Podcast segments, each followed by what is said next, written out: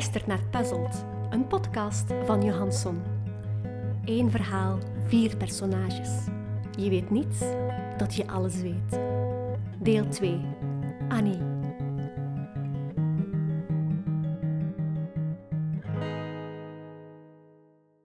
Ik heb mezelf altijd als een eenvoudige vrouw gezien, die simpelweg haar gevoel trouw probeert te zijn.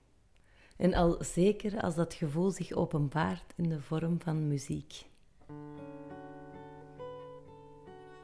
Zo kwam ik destijds ook bij Daniel terecht, weet je. Ik was 22 en met enkele vriendinnen op stap. Net toen het een saaie avond leek te worden, hoorde ik muziek komen vanuit de Polok. Een niet wat groezelige kroeg voor oudere studenten in die tijd. Een melodie, gezongen door een warme mannenstem, leek me bij de hand te nemen en naar binnen te trekken. Ik kon mijn vriendinnen enkel overtuigen zo'n soort bar binnen te gaan onder het voorwendsel even uit de kou te zijn om verdere plannen voor de avond te maken. En daar zag ik hem dus voor het eerst. Hij op dat podium met zijn gitaar en zijn eigen muziek. Het voelde aan als tijdreizen, zonder enige logische richting, alsof ik een, een ongeschreven toekomst met hem kon zien, die tegelijkertijd aanvoelde als thuiskomen in een verre, vertrouwde herinnering. Dat is vandaag bijna dag op dag elf jaar geleden.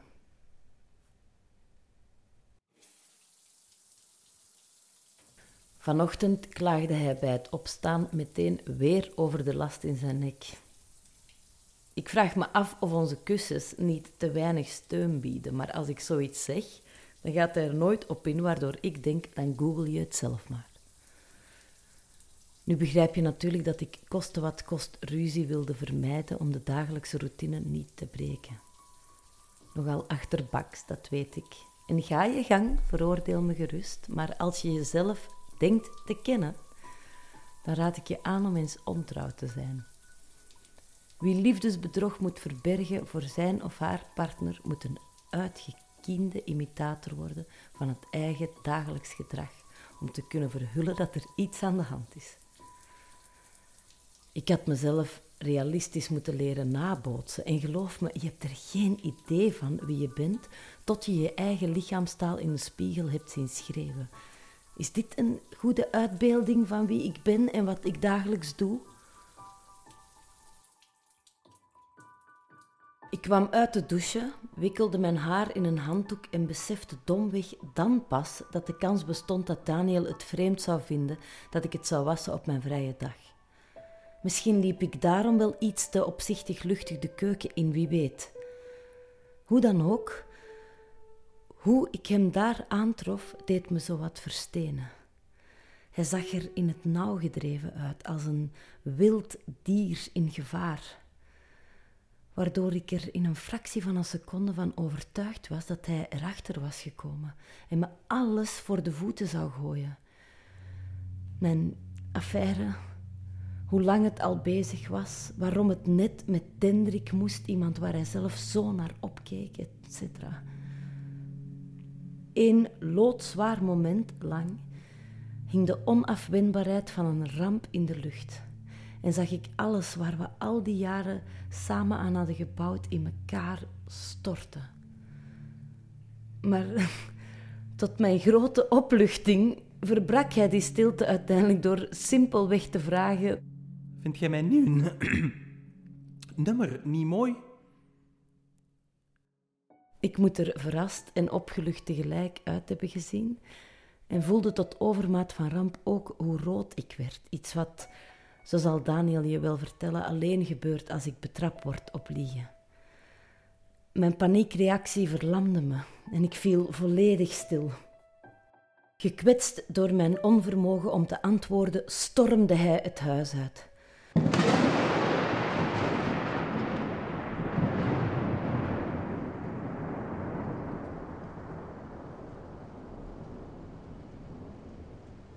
De minuten daarop verliepen in een waas van paniek en vertwijfelingen.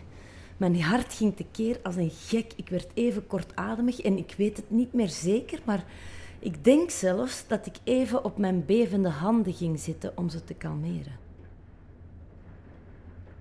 Van waar kwam deze uitval opeens? Had ik hem gisteren merkbaar minder bevestiging gegeven voor zijn nummer, doordat ik met mijn hoofd al bij mijn afspraak met Dendrik vandaag zat? Had Dendrik met iemand gesproken en was het gerucht zo tot bij hem gereisd? Of was alles een misverstand en liep ik het risico mijn eigen mond voorbij te praten terwijl hij gewoon een slechte dag had? Toen zag ik iets wat me plots heel scherp en alert maakte. Hoe alledaags en onbeduidend het beeld op zich ook was, op het aanrecht lag zijn brooddoos, met daarin zijn boterhammen met pindakaas. Mijn pindakaas. Het belang dat ik hier aan hechten kan voor een buitenstaander misschien absurd lijken, maar als je hem kende, zoals ik hem kende, wist je hoe wild hij was van die pindakaas en hoe reëel de kans was dat hij er in zijn middagpauze, eens hij gekalweerd was misschien, alsnog om zou komen. Voor mijn geestesoog ontwikkelde zich het rampzalige scenario af. Daniel Sleutel, die rond het middaguur in het slot draaide. Hij, die mijn naam riep, gestommel in de slaapkamer hoorde, daar dan binnenkwam en er mij naakt in bed aantrof, terwijl Dendrik zich in de kast verschuilde. Niet dat ik begreep hoe minnaars zich in cartoons altijd in de kast konden verschuilen. In welke kleerkast wandel je eventjes zomaar hup binnen met al die pakken en die hemden? In de onze toch alleszins niet. Maar goed. Ik durfde me niet eens in te beelden wat Daniel zou doen als hij me met Hendrik zou betrappen. Ik hoef je niet te vertellen dat mei 2017 me weer voor de geest kwam.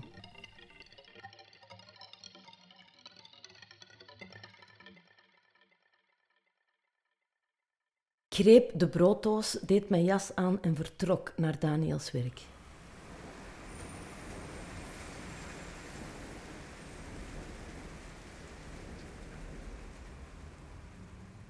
Tijdens de busrit door de stad bleef ik maar zijn schreeuw horen. Vind jij mijn nieuw nummer niet mooi? Er had een breekbaarheid door zijn stem geschemerd die ik bijzonder pijnlijk vond. Die ik hem op een of andere manier zelfs kwalijk leek te nemen. Wie was hij na 2017 in godsnaam geworden? moest ik dan maar definitief afscheid nemen van de Daniel met wie ik jaren geleden in het appartement was getrokken. De versie die nog niet zo godgeklaagd afhankelijk was van mijn bevestiging en best even kon overleven zonder die aanhoudende smeekbeden om appreciatie waarvoor ik mij de laatste tijd zo godverdomd verantwoordelijk voelde. Ik werd onrustiger en ontstemder naarmate ik besefte hoe zijn gedrag me in oeverloos nadenken, berekenen en anticiperen duwde. Tot dan toe had ik mijn bedrog zodanig weten te organiseren dat het zonder veel moeite kon plaatsvinden.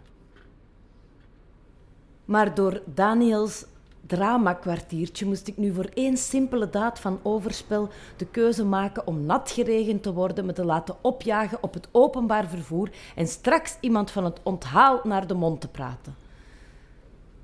Het hele gedoe maakte me opstandig als een nukkig kind, maar tegelijkertijd ook strijdvaardiger en nog meer gedecideerd. Het was pas dan dat ik merkte dat ik de boterhammendoos de hele tijd tegen mijn borst had geklemd, waardoor ik op een jonge moeder leek in een zwart-witte oorlogsfilm die haar boorling dicht tegen zich aandrukt tijdens haar vlucht voor de soldaten. Ik gokte welke halte het dichtst bij Daniels werk zou zijn en stapte uit. Ploeterde nog een eind door de storm langs de steenweg via een smalle strook voetpad naast de hoofdbaan om een dik kwartier later doorweekt aan te komen op het bedrijvencomplex en om daar tot mijn grote ergernis te merken dat de bus tegenover de ingang van de Sitte ook halt hield.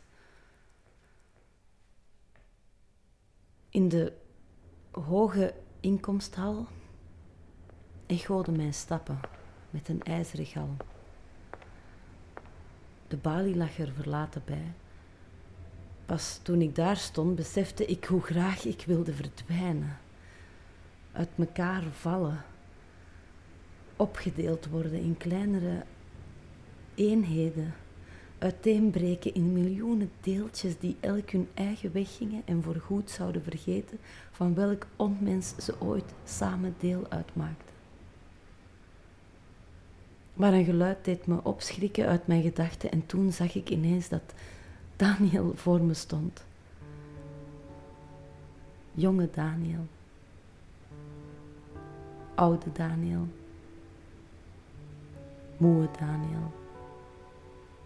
Knappe Daniel. Miserabele Daniel. Hoopje ellende Daniel. Ik stamelde dat hij zijn boterhammen vergeten was. En dat ik wist hoezeer hij die pindakaas lustte.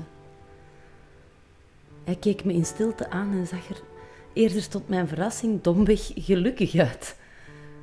Maar achter die glimlach zag ik weer glashelder de weerloze man waar ik tegenwoordig naast ontwaakte, een schim van de artiest waar ik ooit voor gevallen was. Getalenteerde Daniel. Dit was wat er van hem overbleef. Die trui, die broek, dat haar, dat gezicht.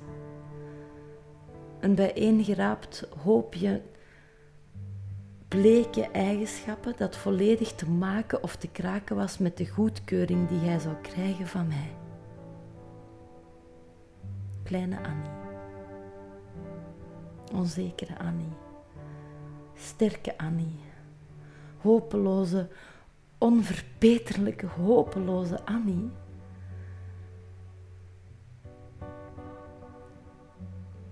Om te vermijden dat, zoals daarnet, mijn stilte het ergst mogelijke antwoord zou zijn, zei ik uiteindelijk: Ik vind je nummer prachtig, Daniel.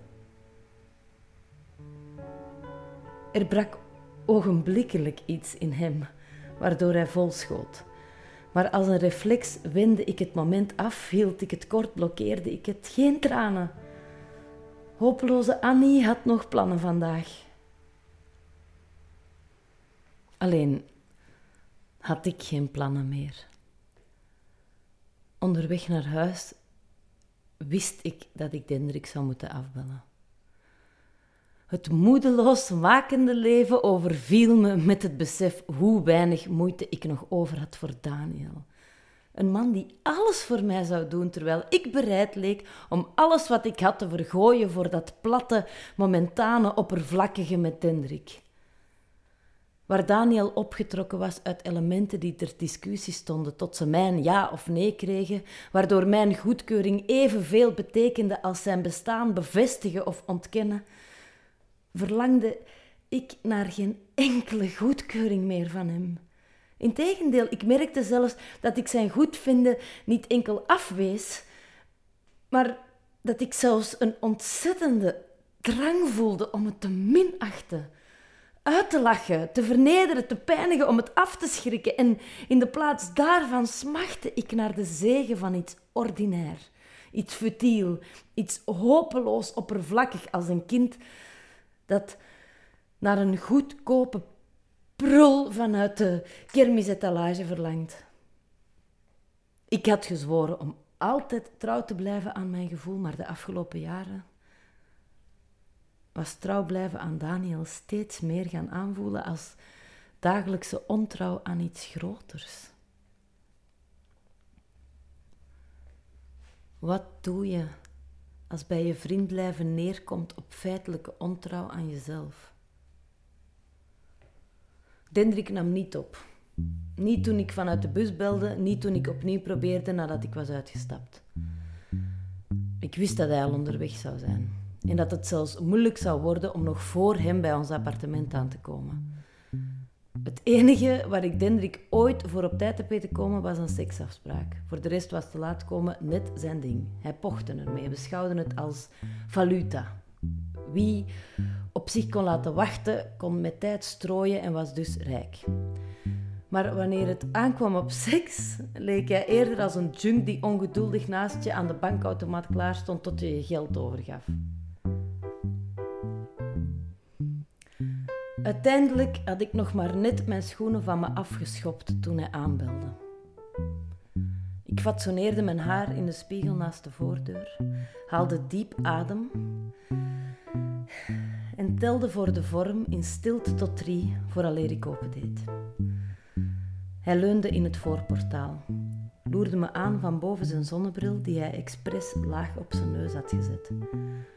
De kans was groot dat hij, zoals wel vaker, een scène uit een film parodieerde, maar in dat geval begreep ik de referentie niet.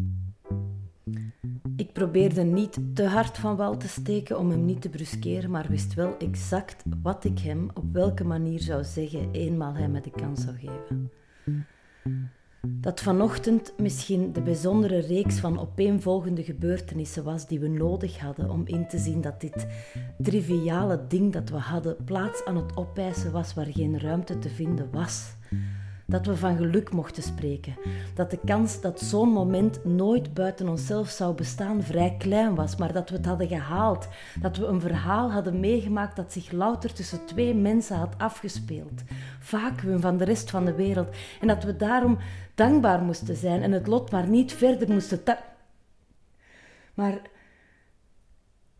in plaats daarvan kwam hij zonder een woord te zeggen binnen kuste me vlak op de mond en duwde me de hal verder in, opgefokt en agressief. Hij sneed mijn woorden af met zijn opdringerige kussen, joeg op me alsof ik een prooi was, wat me enerzijds afstootte, maar ik anderzijds ook onwerkelijk geil vond. Van het ene op het andere moment stonden we in de slaapkamer gooide hij me op bed en kwam op me liggen.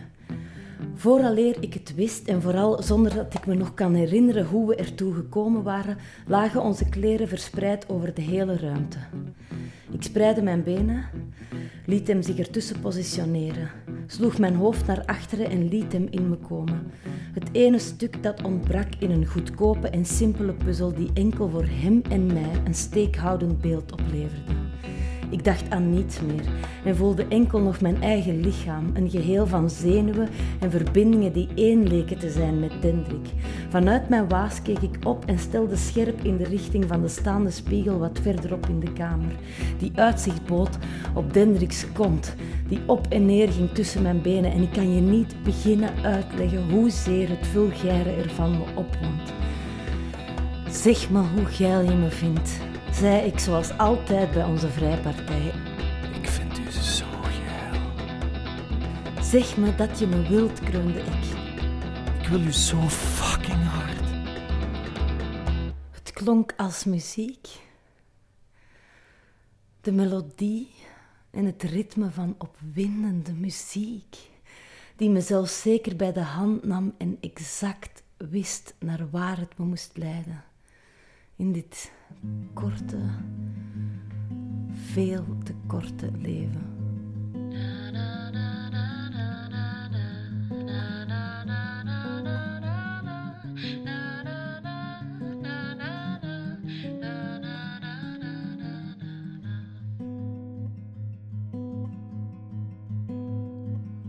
De regen valt bij pakken de taken van de huizen in de straten, op de pleinen, op de torens van de kerken van de stad. Ik kijk vanuit mijn zolderraam. Hoe je verbeten van me wegfietst, eenzaam in die zondvloed, hartverscheurend nat.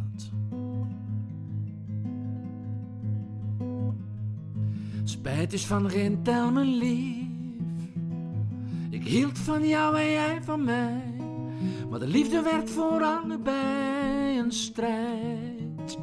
Een opbod van meer en meer en meer en meer en meer. Tot het leeg werd. Tot het nergens meer op sloeg. Een carousel van nooit genoeg.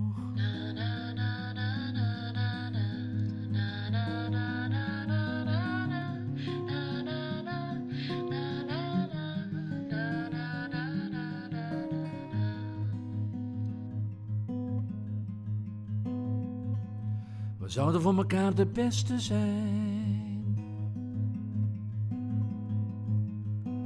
De beste en de mooiste en de liefste. Mekaar dragen naar het einde van de tijd, zo zou het zijn. Maar spijt is van geen tel me lief. Ik hou van jou en jij van mij. Maar de liefde werd voor allebei een strijd. Een opbod van meer en meer en meer en meer en meer. Tot het leeg werd tot het nergens meer op sloeg. Een carousel van nooit genoeg.